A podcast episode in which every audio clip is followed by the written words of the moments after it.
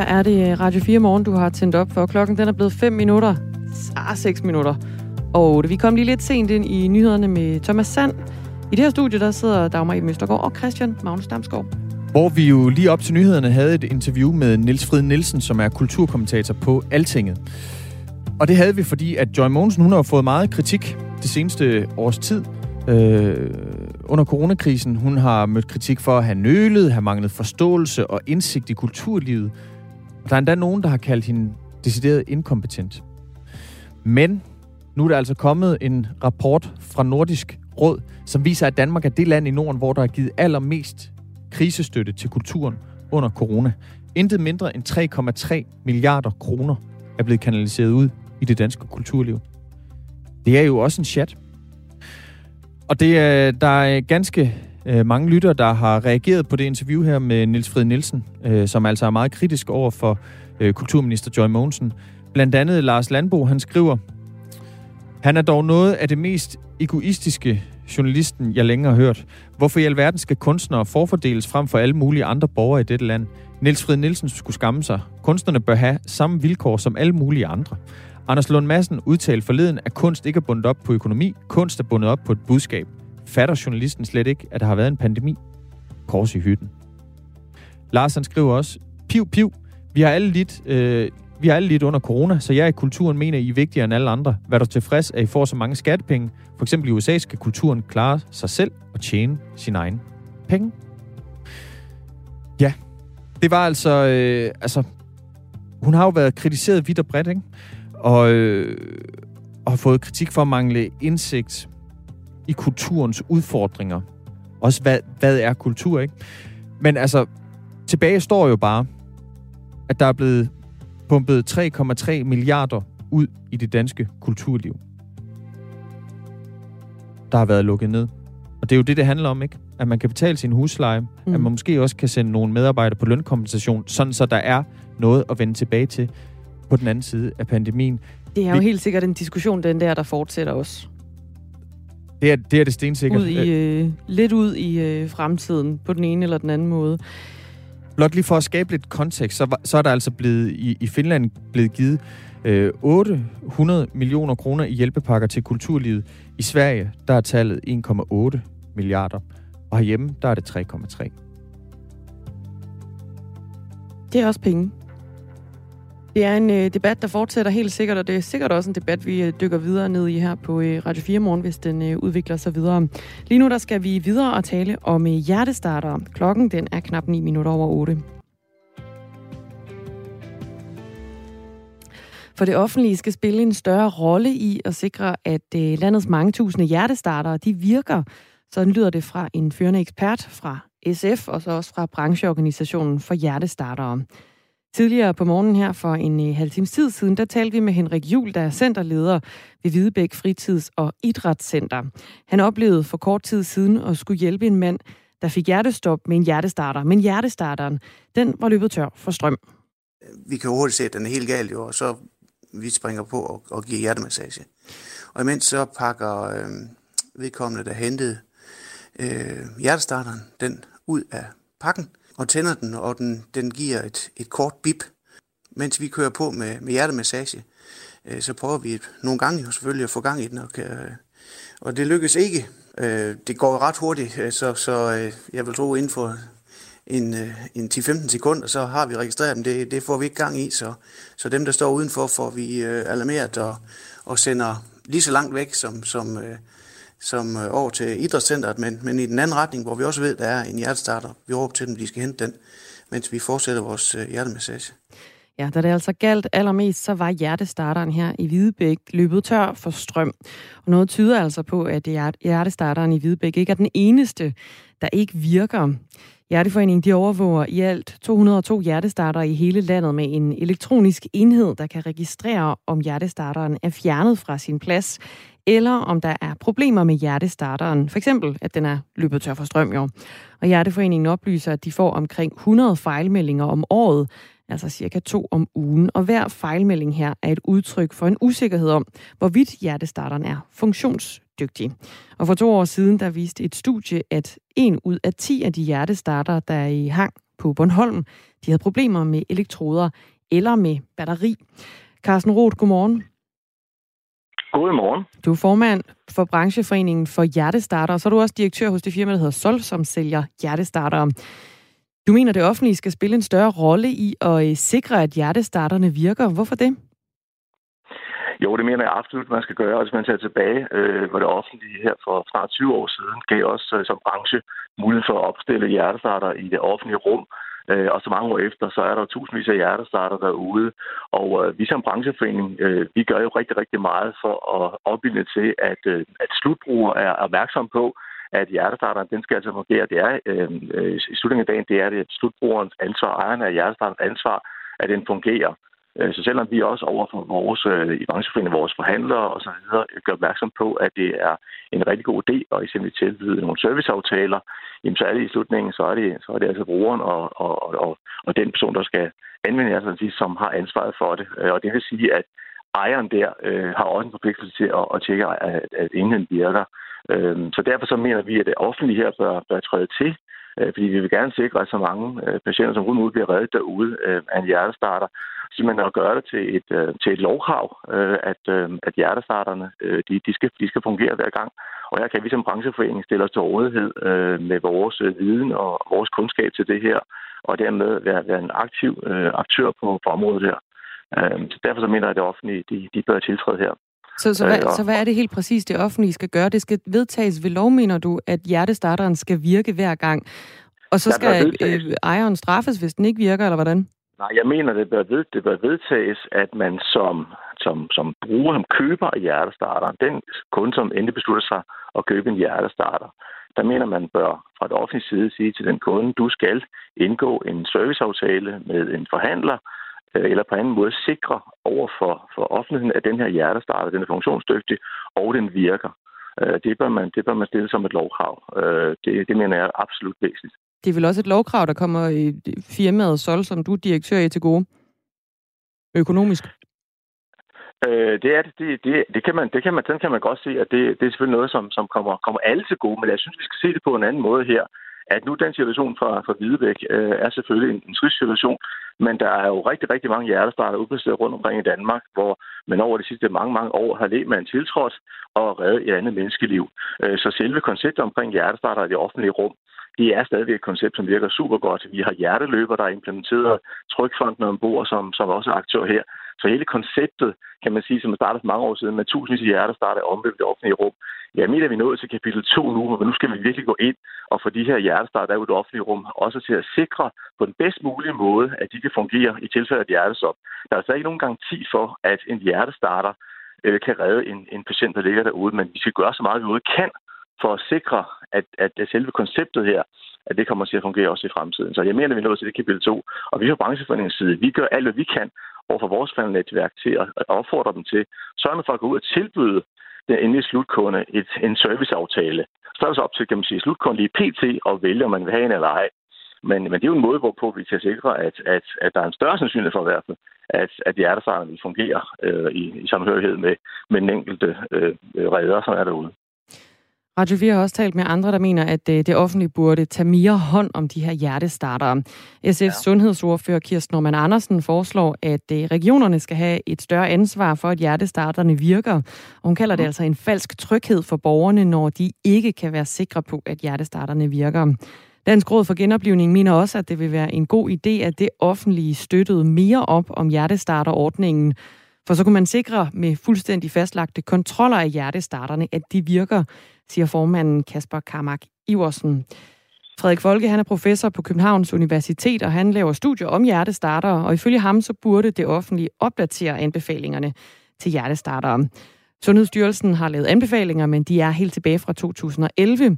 Der kunne man lave nogle nationale anbefalinger til krav om at få kontrolleret eller registreret sin hjertestarter, siger han til os her. Og i dag der er i reglerne sådan, at det altså er altså den enkelte ejer eller virksomhedspligt at øh, vedligeholde hjertestarterne og sørge for, at den, øh, den altid virker. Og Brancheforeningen for Hjertestarter repræsenterer jo blandt andet firmaer, der også sælger de her hjertestartere. Hvorfor sørger I ikke for, Carsten Roth, for at kunderne er sikre på, hvordan de vedligeholder den her hjertestarter, så de altid virker? Hvorfor vi ikke sørger for det, altså vi har på den måde ikke, kan man sige, den, den, den udøvende magt til at gøre det, men, men som du fuldstændig er korrekt er inde på, jamen vi forsøger via Der skal vel noget rådgivning med så i det mindste? Ja, altså brancheforeningen, vi, vi udsteder jo øh, de, de råd, kan man sige, og vi forsøger at vejlede vores forhandlernetværk til at gå ud og informere deres slutbrugere om, hvad det vil sige at have en hjertestart, hvad det vil sige at implementere den, hvad det vil sige at sikre, at de mennesker, som er omkring hjertestarteren, de er trænet første etc. Det er vores rolle som, som brancheforening. Men vi kan ikke direkte, kan man sige, pådute øh, en, en forhandler eller skråstrej en, en, en, en, en bruger og kunde af hjertestarter til at, at, at efterfylde det her. Det er der, vi har brug for det offentlige hjælp. Vi har brug for, at man går ind og, og lovgiver områder. Så er vi meget gerne øh, medspillende til, som aktør, øh, til at gå ud og, og, og få en led af det her kommer til at ske. Det er vores rolle, øh, kan vores erfaring, kan vores netværk som brancheforening at gøre det. Så det, det er vores rolle i det her. Vi kan ikke pt. gå ud og, og tvinge et forældrenetværk til at gøre det her. Det kan vi ikke gøre. Men hvor, hvorfor skal det offentlige tage det ansvar, når det er jeres hjertestarter? I sidste ende, som du også selv nævnte før, så er det, øh, det er selve kunden, kunden, der indkøber hjertestarteren. Det er vedkommens ansvar, at produktet fungerer i sidste ende. Det er vedkommens ansvar at sørge for, at produktet bliver efterset, så det er klar til brug. Det vil svare til, at når man har sin egen private øh, køretøj, sin egen private bil, er det også mit ansvar, at mit køretøj det virker. Hvis jeg har en lampe, der begynder at blinke, så skal der sørge for, at produktet virker. Den skal også serviceres, og det er tilsvarende med en hjertestarter. Det er mig, der ejer hjertestarter, så er det altså også mit ansvar at få den til at fungere. På alle kan jeg fortælle, at mange af dem går ud her og tilbyder serviceaftaler. Der er jo altså også nogle, nogle øh, slutkunder derude, som siger, nej tak, det ønsker vi ikke. Vi vil gerne selv gøre det her. Så i sidste ende vil jeg gerne helt klart understrege, at som der er PT, jamen det er jo altså slutkunden, køberen af hjertestarteren, der har ansvaret for dens funktionalitet. Mm. I sidste Men det står igen. Ja, undskyld. Hvad, hvad siger du, undskyld, Carsten Roth? Nej, jeg vil bare gerne stadig sige, at, at som, som brancheforening, jamen vi gør jo alt for i, i sidste ende, så er det jo vores store interesse i at kunne informere øh, kunden derude om, hvad vil det sige at få en hjertestarter? Hvad betyder det? Hvad skal man gøre? Hvad skal man, hvad skal man påtænke i forhold til installering af hjertestarter, implementering og, og sørge for, at den bliver serviceret? Det gør vi alt, hvad vi kan for at informere om. Øh, og som sagt, forhandlernetværket, som, som PT består af cirka 30 medlemmer i, i, i vores brancheforening. Jamen flere af dem, de, de udøver også det og, og tilbyder serviceaftaler. Men som sagt, det er ikke noget lovkrav øh, PT, og det er derfor, jeg er glad for både Frederik Folke og andre aktører inden for området her, at de støtter op omkring det. Altså jeg håber, at de offentlige myndigheder de vil lytte øh, til de her anbefalinger, og så, og så tage affære. Vi er i hvert fald klar for vores linje. Kunne I gøre mere som forhandler? Nu ved jeg, at der er sådan nogle, kan man sige, øh, ordninger, sådan så man kan betale et bestemt beløb om året, for at de så kommer og, og tjekker den her hjertestarter en gang om året. Ja. Er I gode nok til at informere om, at der er den her ordning? Det vil jeg helt klart sige. Øh, der er mange forhandlere, som øh, udbyder den her ordning, og igen, øh, som du også er inde på tidligere, det er også rent teknisk muligt at gøre det her. Der findes også assurerede produkter til hjertestarteren nu, som reelt kan fejlvælge, om produktet virker eller ikke virker, altså, og skal monitorere produktet. Så produkterne er derude, der kan gøre det, og, og forhandlernetværket, ja, de er ude og, og informeret om det. Øh, hvis man kigger over en stor bred af forhandlerne, jamen der, er rigtig mange af dem, de har serviceaftaler i brug derude. Men, men, men det, er, det er korrekt, at vi som branche, vi er også opmærksom på det her over for vores forhandlernetværk, når vi har vores, vores møder med forhandlerne. Så igen og igen, så understreger det vigtigheden er, at man informerer, man vejleder slutkunden i, hvad det vil sige at købe og, og anvende og bruge en hjertestart og implementere den.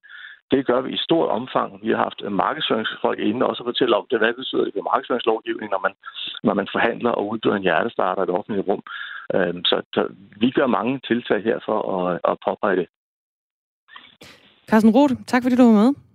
Ja, velbekomme. God dag. God dag. Formand for Brancheforeningen for Hjertestarter, så direktør hos firmaet Solte, altså sælger øh, hjertestarter. Og her på Radio 4, der vil vi gerne have spurgt regeringen om, om den har nogen intention om at sikre, at de her hjertestartere ude i landet rent faktisk virker. Der var i hvert fald et forslag her om et lovkrav til, hvordan der skulle tjekkes op på de her hjertestarter, så man sikrer, at de for eksempel ikke løber, løber tør for strøm, som det var tilfældet i, øh, i Hvidebæk. Og Sundhedsministeriet oplyser, at øh, Sundhedsminister Magnus Heunicke ikke har haft mulighed for at stille op til interview i dag, og henviser så til sundhedsordføreren for partiet Rasmus Horn Langhoff, altså sundhedsordføreren for Socialdemokratiet. Og han har heller ikke haft mulighed for at øh, stille op til interview, men vi håber altså, at øh, enten den ene eller den anden, eller dem begge to, kan være med i øh, næste uge. De får i hvert fald tilbuddet igen.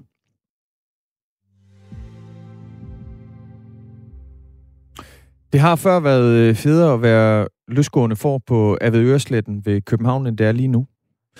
De seneste otte dage, der er tre lam og et moderfor nemlig blevet skambit. Det oplyser foravler Frank Hansen, som, som ejer forne til TV2 Løg. Svend Nord, godmorgen.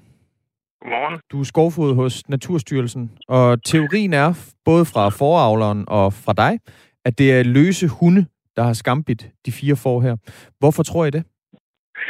Jo, det er fordi, at det der, det der kunne være alternativet, det uh, skulle være en rev, uh, og de kan ikke tage, eller de kan ikke uh, fange og angribe så store dyr, som der taler om her. Og der er jo ikke uh, uld på Sjælland, så derfor kan vi udelukke uld. Så der er ingen tvivl? Nej, det er ingen tvivl, og vi har jo desværre også eksempler på det tidligere, hvor der har været vidner på det. Så, så det er ingen tvivl om, det er folk, der ikke har haft styr på det, der så har angrebet de her for og lam.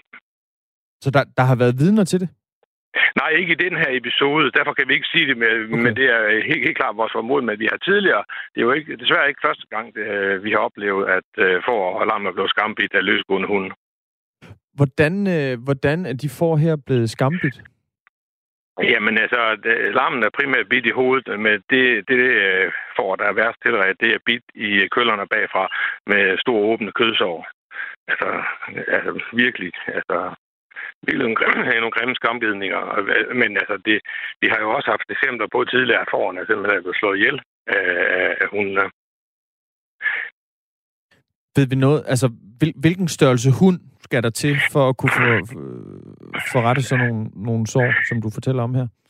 Jamen, det er, kan man sige, fra Labrador størrelse og opad det her det er jo ikke noget, en øh, lille pekingeser kan klare. Det er større hunde, altså fra øh, i klassen øh, Labrador opad. Mm. Okay. At, altså nu, øh, nu er det så tre lam og et moderfor de, de seneste otte dage. Øh, er, er det et højt antal jeg vil sige, at Frank Hansen, der jo er ejeren af Vibegård Lam, oplever det hver eneste år, at han har øh, for lam, der bliver skambidt og løsgående hunde.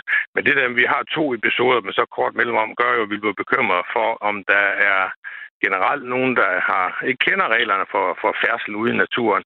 Så det er det egentlig derfor, vi går ud med historien om at fortælle, at det her det er faktisk et problem. Det er jo dyrmishandling, at de her får. Øh, og det er udover det selvfølgelig øh, øh, hvad hedder det, det er en dårlig oplevelse for ejeren af forerne, men i bund og grund er det også en dårlig oplevelse for hundeejeren. Mm. Det her område, hvor, hvor forerne går, det er altså omkranset af, af trådhegn, så hunden ikke selv kan komme ind i forfolden.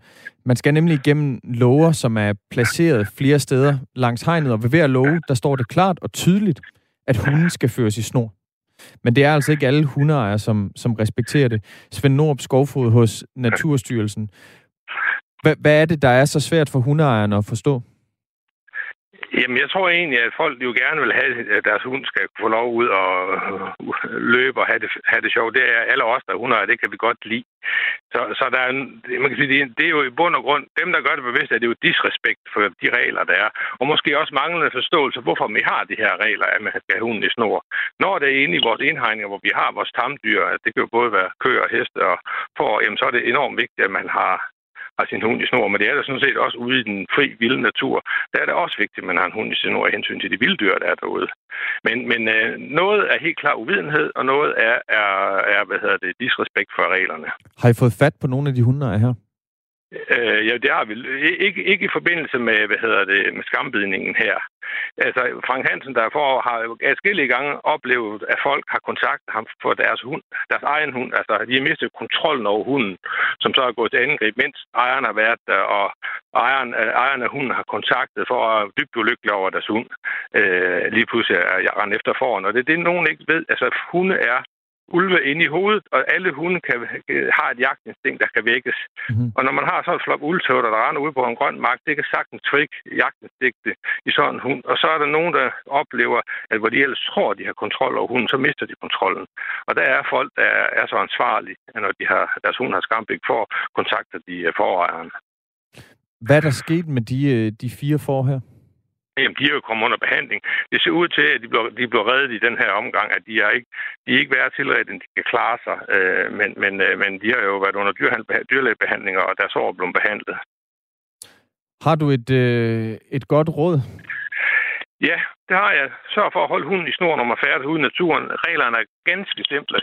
Men man skal altid have sin hund i snor, når man færdes ude i naturen, med undtagelse af de hundeskov, der er over hele landet. Så vil man gerne gå med sin hund løs, hvilket jeg godt forstå, som, som selv som hundeejer. Så har, er der hundeskov over hele landet, og man kan orientere sig på ud i naturen.dk, hvor de findes henne. Og så respektere, at man, når man færdes i naturen, så skal man gå med hunden i snor. Det er både ude i den frie natur, men også inde i de indhegninger, hvor der går vores tamdyr. Tak for det, Svend Norb. Velbekomme. Skovfod hos Naturstyrelsen. Netop nu bliver øh, de første mink gravet op, i hvert fald i de her dage i Nørrefælling øh, ved Holstebro, efter at have ligget i jorden i et halvt år. En prøveopgravning, der begyndte i går, skal være med til at sikre, at alle mink de bliver gravet op og så også forbrændt, lavbrændt forsvarligt. Radio 4's udsendte reporter Louise Fischer, hun var altså med til de her første minkopgravninger i går af de her godt 2 millioner mink, der befinder sig i massegravene ved Nørfælling. Og det er en øh, proces, der rent teknisk kræver ret meget, men som flere altså er glade for endelig sker.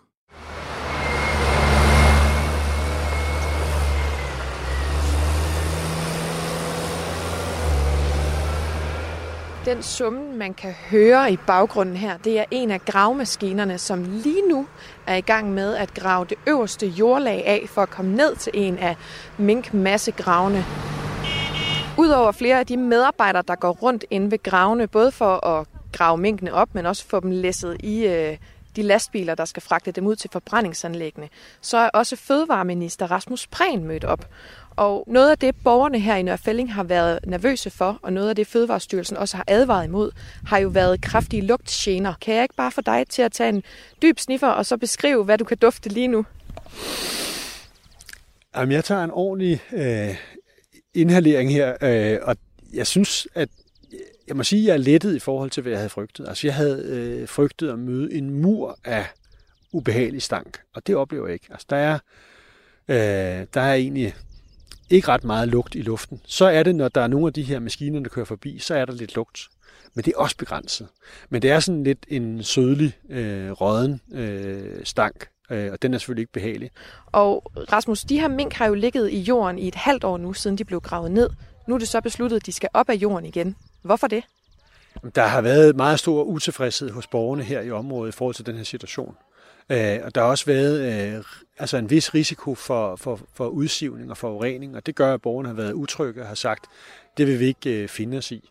Og derfor har vi taget den her situation meget alvorligt og sagt, jamen øh, lad os få lavet en plan for at få øh, gravet de her mink op, øh, kørt dem til forbrænding øh, og få retableret området igen, så borgerne kan drage lettelsens suk øh, og komme videre. Borgerne, som du selv siger, har jo været utilfredse og utrygge, og har også været sådan ret øh, aktive i deres øh, opråb omkring de her massegrave, som ligger lige op ad deres lille landsby her lidt øh, vest for Holstebro. Hvis borgerne ikke havde råbt op, som de har gjort, havde de her mink så bare fortsat ligget i jorden herude ved Nørfælling? Altså, det er jo, det er jo svært at svare på, øh, fordi at det, der gør, at vi for alvor bliver opmærksom på det her, det er jo borgernes aktive øh, ageren i det her. Øh, og det er jo også det, at der er en situation, der gør, at borgerne reagerer. Øh, jeg håber da, at øh, myndighederne har øh, kontrol med de her ting, og hvis der havde været øh, risiko for forurening, så havde man jo gjort de ting, der skulle til. Altså afværgeforanstaltninger og andet var jo blevet sat i værk under alle omstændigheder. Men opgravningen kan jo godt være, at det er kommet mere øh, på den politiske dagsorden, fordi at der var så øh, massive øh, protester.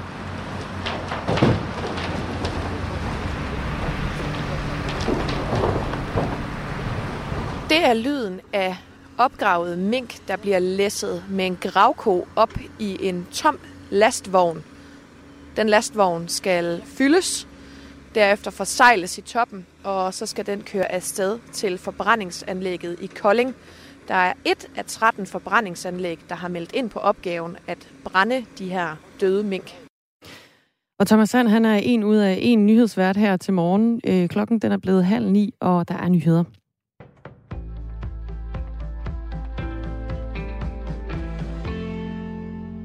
I 2018 døde lidt flere end 16.000 danskere af kræft, men havde alle haft de samme muligheder for forebyggelse, opsporing, diagnostik og behandling af kræft som de 20 procent bedst stillede, så ville flere end 3500 af dem have overlevet eller levet længere. Det viser to nye analyser ifølge Lægemiddelindustriforeningen.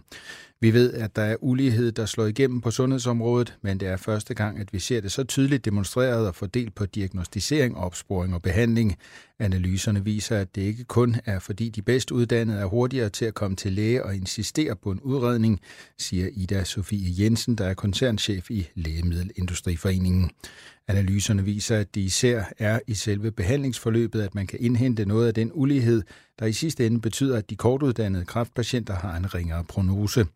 Vi har en etisk forpligtelse til at forholde os til, at vi kan redde så mange menneskeliv. Det er meget vigtigt, at vi bruger den nye viden om ulighed til at skabe handling på kræftområdet og sikre, at alle kræftpatienter bliver hurtigt diagnostiseret og får den bedst mulige behandling, uanset hvilke forudsætninger de har, siger Jesper Fisker, der er administrerende direktør i Kræftens Bekæmpelse.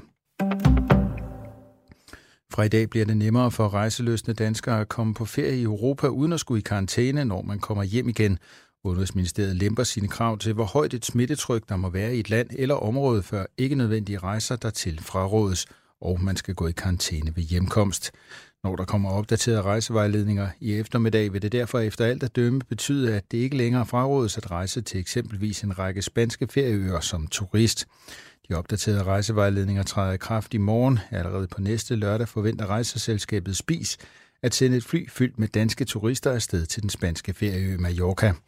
Administrerende direktør Jan Vellebo glæder sig over udsigterne til at få et turistfly på vingerne for første gang i 218 dage. Nu kan vi se lyset og håber, vi nu kan begynde at komme tilbage igen og begynde at bygge øh, det op og kan tage på ferie igen. Det bliver rigtig dejligt.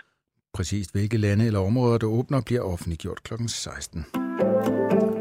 Det israelske militær indledte omkring midnat natten til i dag et massivt bombardement mod flere mål på den nordlige del af Gazastriben, der kontrolleres af den islamistiske Hamas-bevægelse. Ifølge The Times of Israel var angrebet, der omfattede både kampfly og artilleri, det hidtil mest voldsomme, siden konflikten brød ud for under en uge siden men der blev ikke sendt styrker ind over grænsen til Gazastriben, som den israelske hær i første omgang oplyste. Hæren korrigerede senere den oplysning, som angiveligt skyldtes en kommunikationsfejl. Ifølge udlandsredaktør på POV International, Hans Henrik Fafner, er der dog en reel risiko for, at israelske styrker krydser grænsen. I går der mobiliserede øh, øh, det israelske forsvar yderligere øh, 9.000 mand af reserven, og det er så øh, kampsoldater, som er øh, blevet sat derned for at, at, at, at gå klart, at være klar. Øh, den weekend overlov, som øh, mange israelske soldater har, er i denne omgang blevet inddraget. Øh, de skal altså blive deres baser og være klar, hvis øh, der bliver rykket ind siger Hans Henrik Fafner til Radio 4 morgen. FN's Sikkerhedsråd skal søndag mødes igen for at drøfte konflikten. Og med det nåede vi frem til et kig på vejret. De sydvestlige egne får skydevejr og spredte byer, som kan være med torden. Temperaturer mellem 9 og 12 grader. Resten af landet får mest tørt vejr med lidt eller nogen sol. Og temperaturer mellem 15 og 20 grader ved kyster med pålandsvind dog kun omkring 10 grader.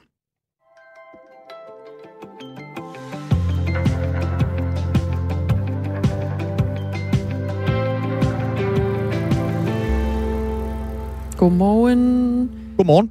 26 minutter i 9. Fredag. Det betyder 26 minutter tilbage Radio 4 morgen. Mm-hmm. Inden vi sender jer ud i fredagen. Måske du allerede er i gang.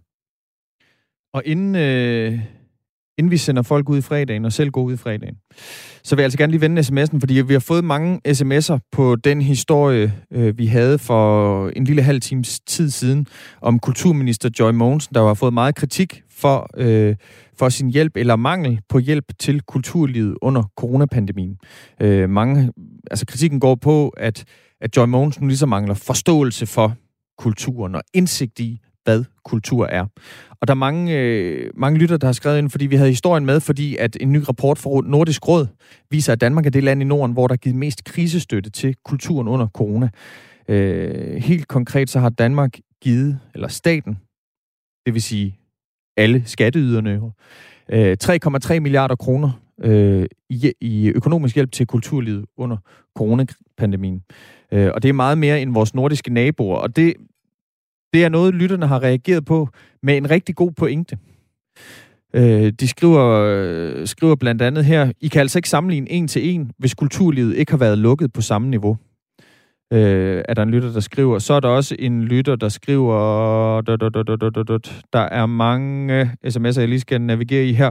øhm, en kulturminister skal varetage Danmarks interesser inden for kulturområdet, ligesom udlændingeministeren blandt andet skal varetage indvandring i Danmark og ikke alene udlænding. Kulturministeren skal derfor ikke varetage kunstnerens interesse alene.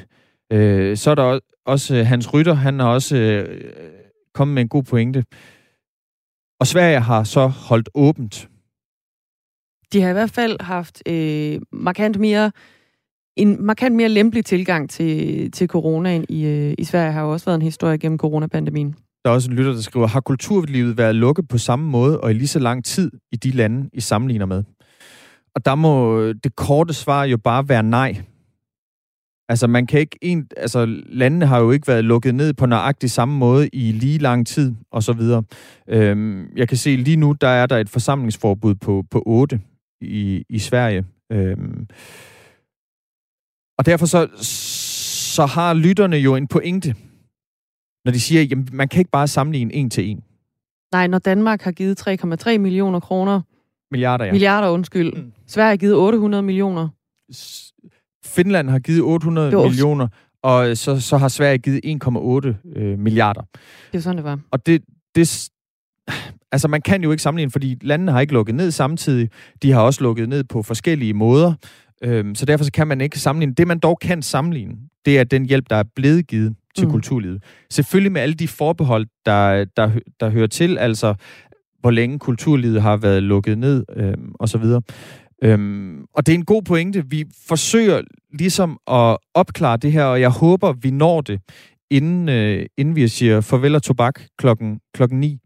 Øhm, vi har rapporter i gang med at finde ud af, hvad der er op og ned i den historie, for det er en god pointe. Kan man sammenligne de tal? Vi finder ud af det forhåbentlig. 1355, sådan lød smittetallet i går, og det var 106 flere smittede end dagen for inden. Og for anden dag i træk, så er det altså det øh, højeste i næsten et halvt år smittetallet. Og vi har en pandemi med en øh, stigende smitte, må man jo så sige. Og det er især de yngre befolkningsgrupper, som øh, gør epidemien af voksne.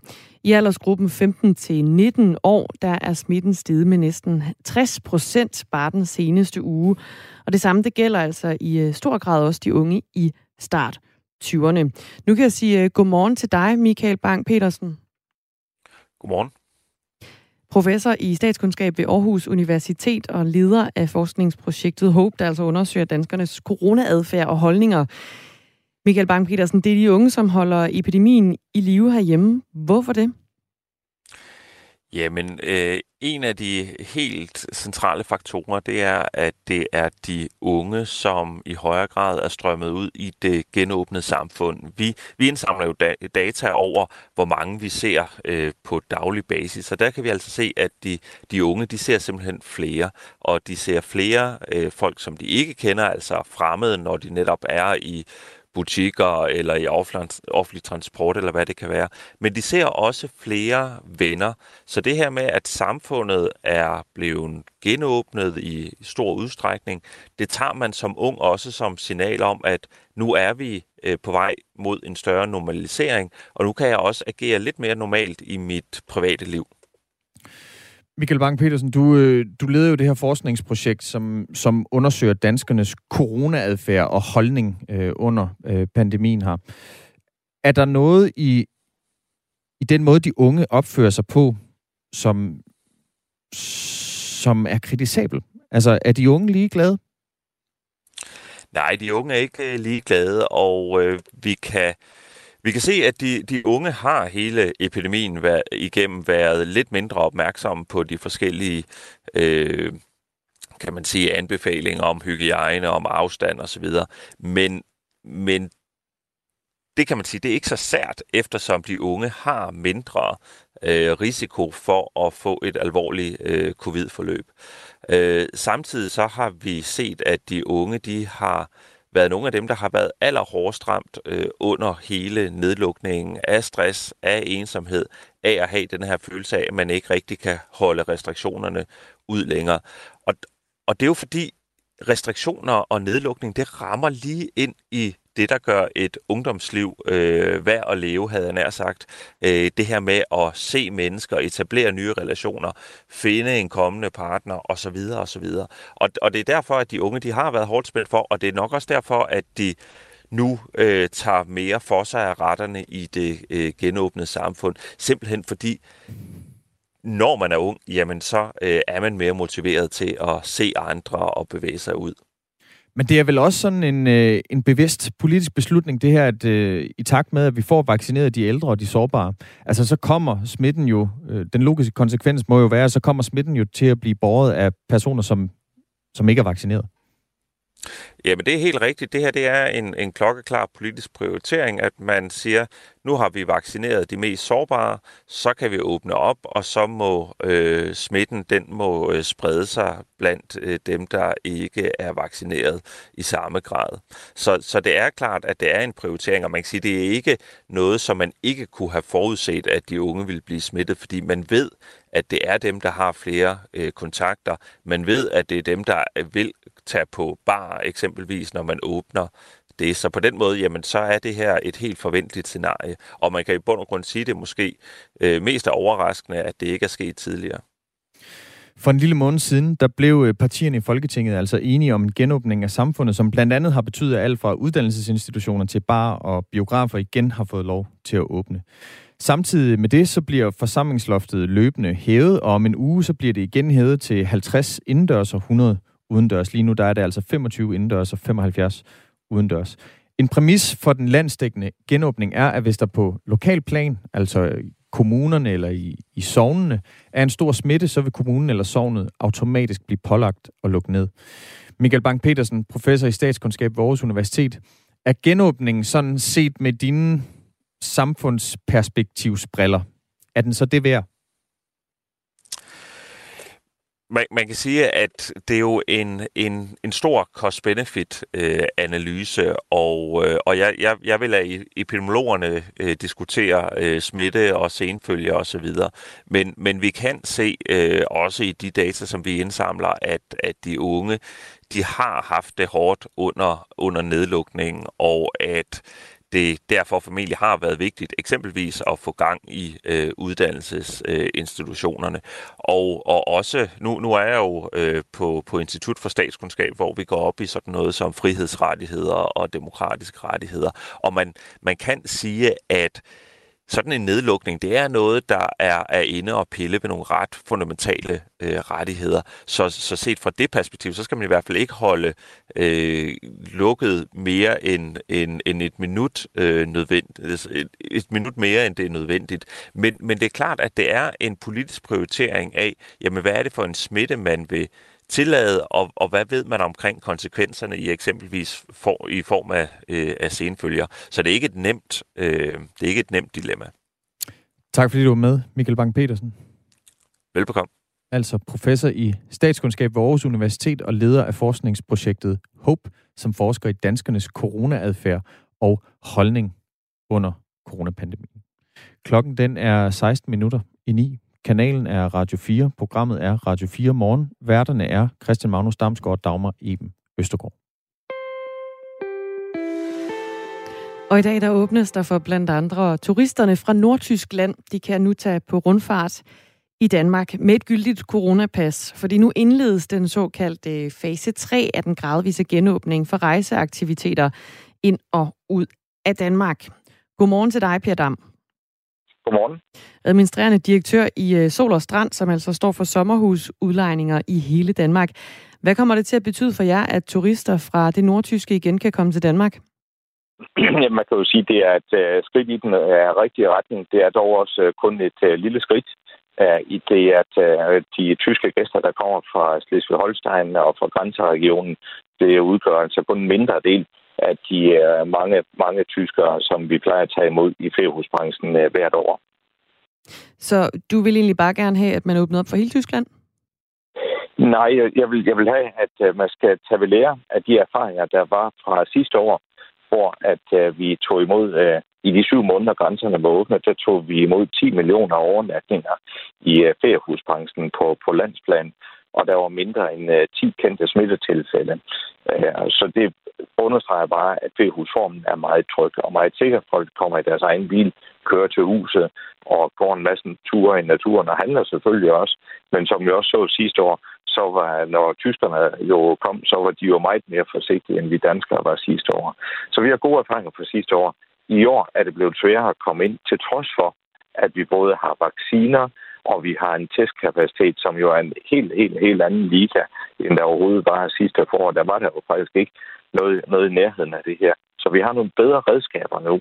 Så det vi foreslår, det er, at det skal være muligt for gæster at krydse grænsen, hvis de enten er vaccineret, eller har haft corona, eller har en negativ test. Men der er jo det, også er... flere i den her, altså sammenlignet med, med sidste år, så er der jo også lige pludselig kommet flere varianter, kan man sige, af coronavirus til. Det skal vi vel også være opmærksom på. Absolut, og det er jo også derfor, vi har den her rigtig, rigtig store testkapacitet. Jeg tror, i går var det vel 200, mere end 200.000, der blev testet, ud over de 400.000, der fik øh, PCR-test. Så vi har jo et meget, meget finmasket system i Danmark i forhold til at fange, øh, hvis der, er, hvis der er nogen, der måtte være smittet. Det har man jo også i andre lande. Og øh, pointen er jo, vaccinerne er de samme, Øh, testen er de samme, og en tysk test, den er vel lige så god som en dansk test. Det vil jeg, det vil jeg våge påstå. Tyskerne er kendt for at være meget grundige. Øh, så det, hvis vi skulle tage imod gæsterne, selvfølgelig på forsvarlig vis. Vi ønsker jo ikke at sætte noget over styr, men det kan vi gøre, hvis enten folk er vaccineret, eller at de øh, har haft corona før, eller at de kommer med en negativ test. Så skal de selvfølgelig respektere de regler, der gælder i Danmark. Hvis vi som danskere skal tage en test for at tage på restaurant, så gælder det selvfølgelig også for udlændinge. Så vi beder ikke om om særregler for udlændinge. Vi beder egentlig bare om, at de samme regler, der gælder for os i Danmark, de bør også gælde i, i uh, undskyld, der gælder for os her i Danmark, det bør også gælde for de gæster, der kommer hertil. Mm. Ved udgangen af marts måned var der booket 85.600 uger i sommerhuse i juli og august af danskere, og mm. det er altså 142 procent flere end på samme tidspunkt sidste år, viser tal fra Danmarks Statistik. Så er der virkelig ja. så stort et behov for, at øh, de tyske turister de kommer til Danmark i år? Jamen, jeg, jeg tror, det, det er jo en sammenligning med æbler og pærer, fordi det er selvfølgelig utroligt dejligt, at der kommer mange danskere til sommer. Det glæder vi os rigtig, rigtig meget over. Der var mange, der havde en god oplevelse sidste år, forhåbentligvis. Det er jo derfor også har lyst til at holde ferie i Danmark i år. Men der plejer jo altså at være udsolgt i højsæsonen alligevel. Øh, så det, at vi har en ekstra efterspørgsel lige nu ind i danskernes skoleferie, det redder jo ikke kystturismen, fordi kystturismen er jo en helårsturisme. Det er jo sådan, at feriehusbranchen alene står for mere end 52 procent af samtlige udenlandske overnatninger i Danmark på årsplan. Og det er jo altså fordi, at der kommer rigtig mange gæster også uden for de danske skoleferier. Og det er jo de gæster, der er med til at holde gang i julene rundt omkring ude ved kysterne. To tredjedel af feriegæsternes forbrug, det går til lokalt forbrug. Det går til købmanden, til slagteren, til tøjbutikken, til restauranten, til caféen osv. Og det er jo det, vi mister her i april, maj og juni, og vi kan ikke se nogen sundhedsfaglige øh, belæg for det, fordi der netop var gode erfaringer fra sidste år. Og vi har jo masser af områder i Danmark, hvor incidensgrænsen er, er over 50 også. Og øh, der har vi jo altså ikke noget krav om isolation eller karantæne, hvis man bevæger sig. Så vi beder egentlig bare om at tage ved lære af de erfaringer fra sidste år, og så sørge for, at hvis folk de kommer fra et gult eller orange land, jamen så skal de kan komme ind i Danmark, uden at efterfølgende skal i isolation. Det skal danskere i øvrigt heller ikke i langt de fleste andre europæiske lande. Så vi går en ene gang her, som uh, netop fordi der er gode erfaringer fra sidste år, vi, vi rigtig, rigtig gerne ser, der bliver justeret på. Per Dam, tak for ordene. Det var så lidt administrerende direktør i Sol og Strand, som øh, står for sommerhusudlejningen i hele Danmark. Klokken den er 10 minutter i 9.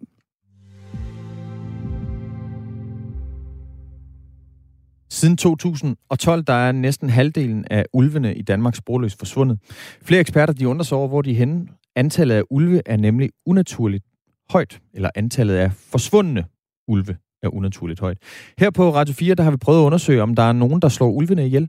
Vores reporter Anton Ringdal og hans kompagnon Christoffer Christensen, de har lavet et program ved navn Ulvemysteriet, som altså kan høres i dag under Radio 4 reportage, der hvor du henter din podcast.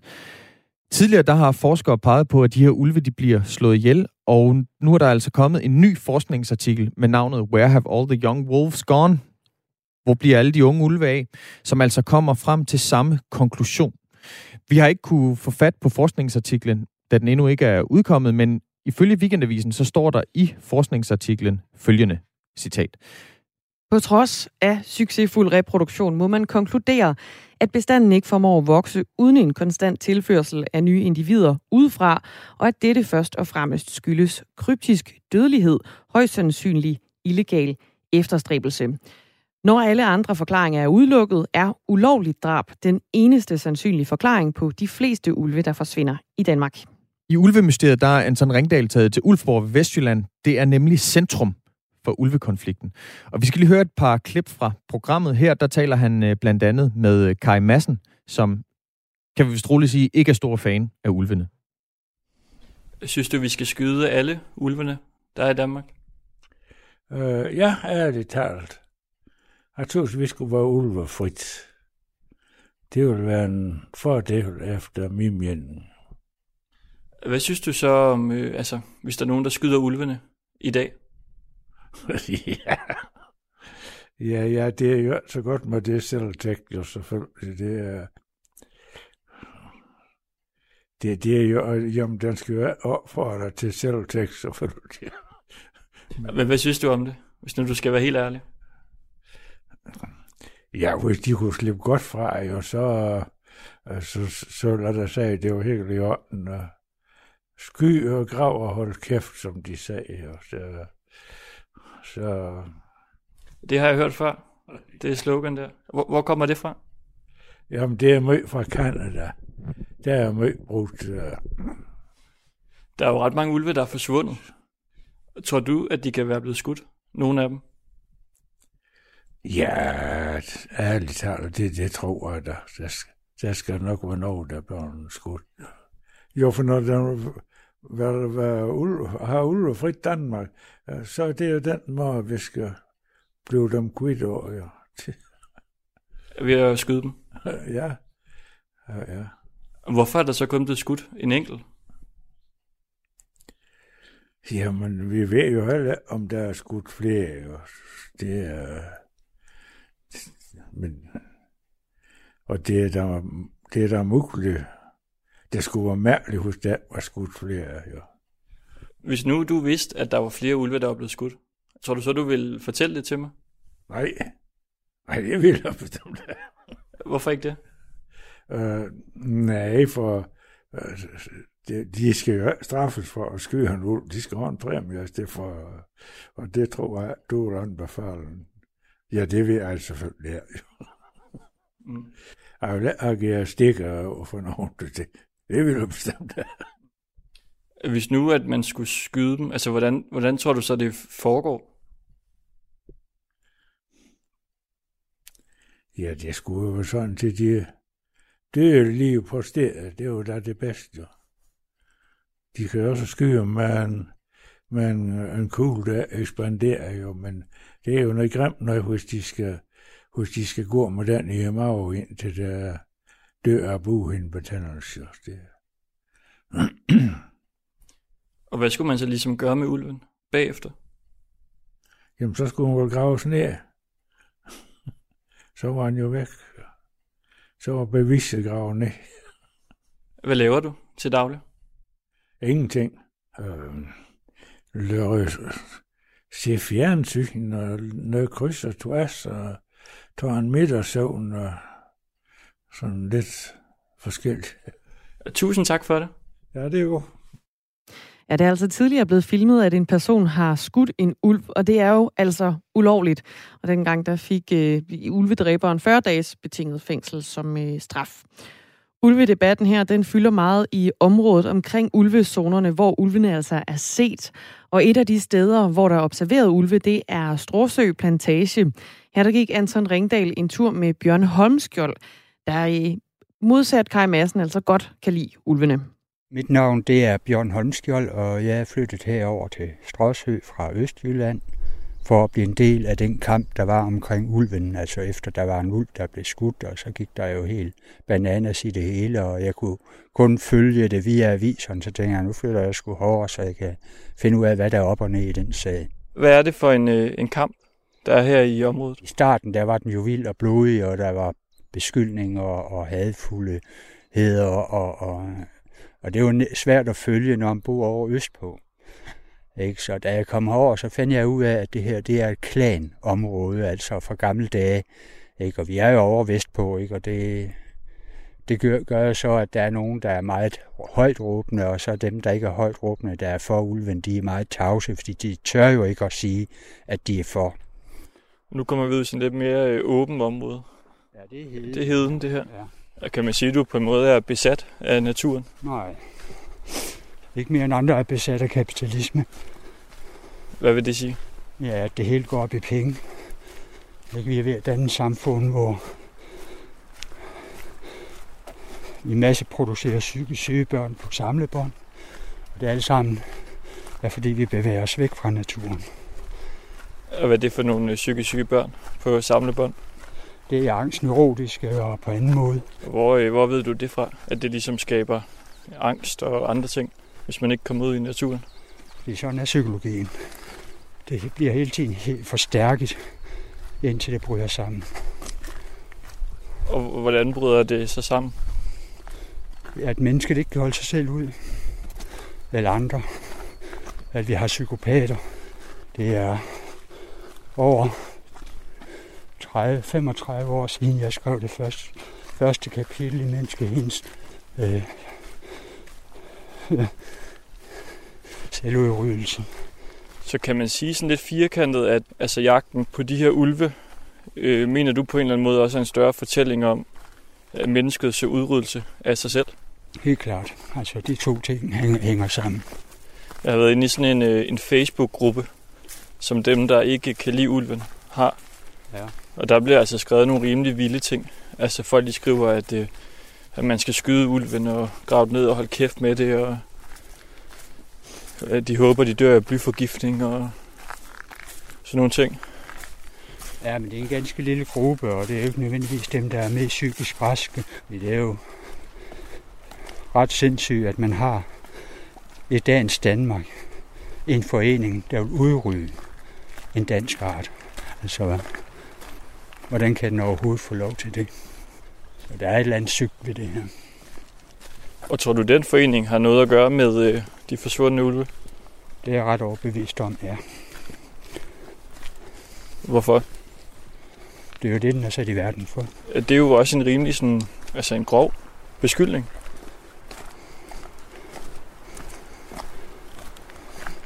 Jamen, jeg tror du, de ser derhjemme og spiller Ludo? De spreder had. Ikke?